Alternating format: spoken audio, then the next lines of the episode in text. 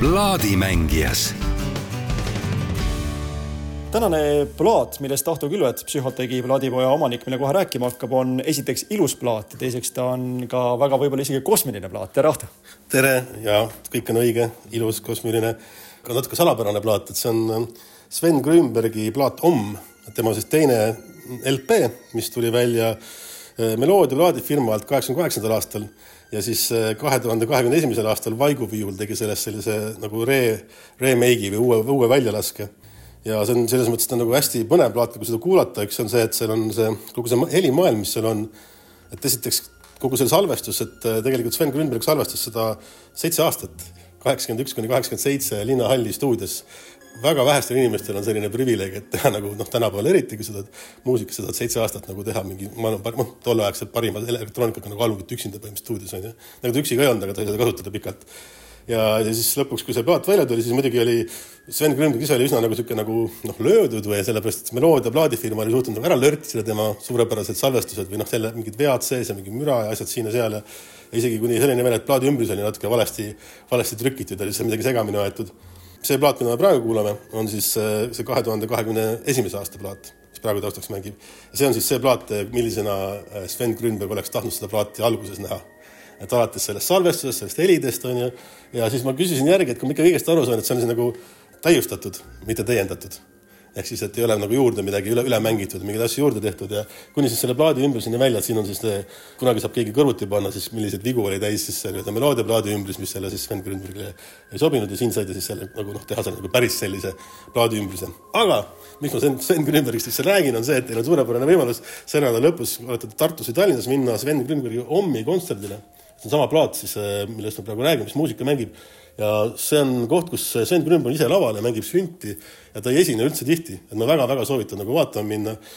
koosseisuga nagu Eesti Elektroonilise Muusika Seltsi ansambel ehk siis parimad Eesti elektroonikud on teda saatmas ja toetamas seal. ja ma käisin tema eelmise albumi sarnasel üritusel ja sellepärast ma olengi nii erutatud ja tahan seda soovitada, et see lihtsalt nagu suurepärane, võib-olla üks minu elu lahedamaid äh, kontserdikogemusi Äh, lisaks sellele koosseisus, kes seal mängis just sedasama albumit, mida ei saanud muidu plaadi pealt kuulata, mida kontserdina ei saa esitada, sest on stuudioplaat, on ju. Mhm. et ükskord elus on see võib-olla võimalik. Ja siis äh, teine, et kas Sven Grünberg ise nagu rääkis seal natuke juttu juurde taha, et see oli ka nagu hästi põnev. et noh, igatepidi nagu, nagu hästi-hästi nagu lahe üritus. et ühesõnaga sellel reedel, laupäeval Tallinnas, Tartus Vanemuise kontserdimajas Estonias on see kontsert, küll te leiate üles, kes tahab. aga ma ise nagu jah, ma täiesti siiralt nagu, nagu soovitan, ma arvan, et see saab olema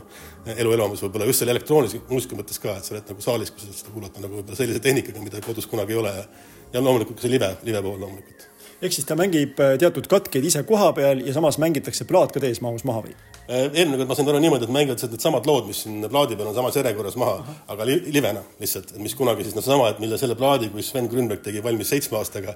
seitse aastat ta mängis seda põhimõtteliselt ju, et siis äh, mängiti siis selle noh, selle neljakümne viie minutiga põhimõtteliselt siis uuesti ette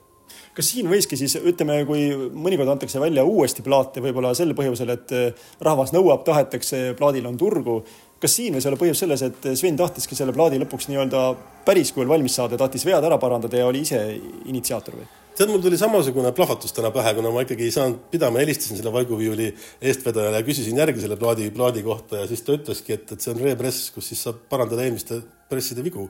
ja ma olen ise ka alati väga isekalt nagu sina mõelnud, et reepress tehakse sellepärast, et on vaja rohkem plaate müüa, onju. aga et see, et aga, aga, loomulikult, et kui mis iganes põhjusel sul see vussi läks, sa said alati parandada ja noh, teha. noh, seal on nüüd järgmine küsimus, millal ta on siis nagu täiustatud või täiendatud, eks ju, versus see küsimus. aga et niimoodi jah, muidugi väga lahe mõte iseenesest ja loomulikult ma tahan, et mõlemad plaadid oleks olemas, kui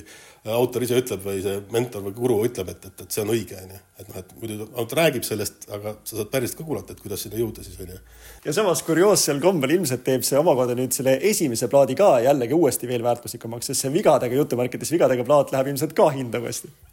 jah, täpselt seesama, et sa tahadki neid kahte plaati omada lõpuks sa tahad neid kõrvuti ka vaadata ja sa tahad kõrvuti neid kuulata. et need ongi need mõlemad plaadid on väärtuslikud nagu iseenesest ka. ja see, et kui üks toob teise mingi huvitava külje välja, noh, jumal, see on tore lihtsalt ja see on avastamise rõõm. kuulame katkendit, aitäh sulle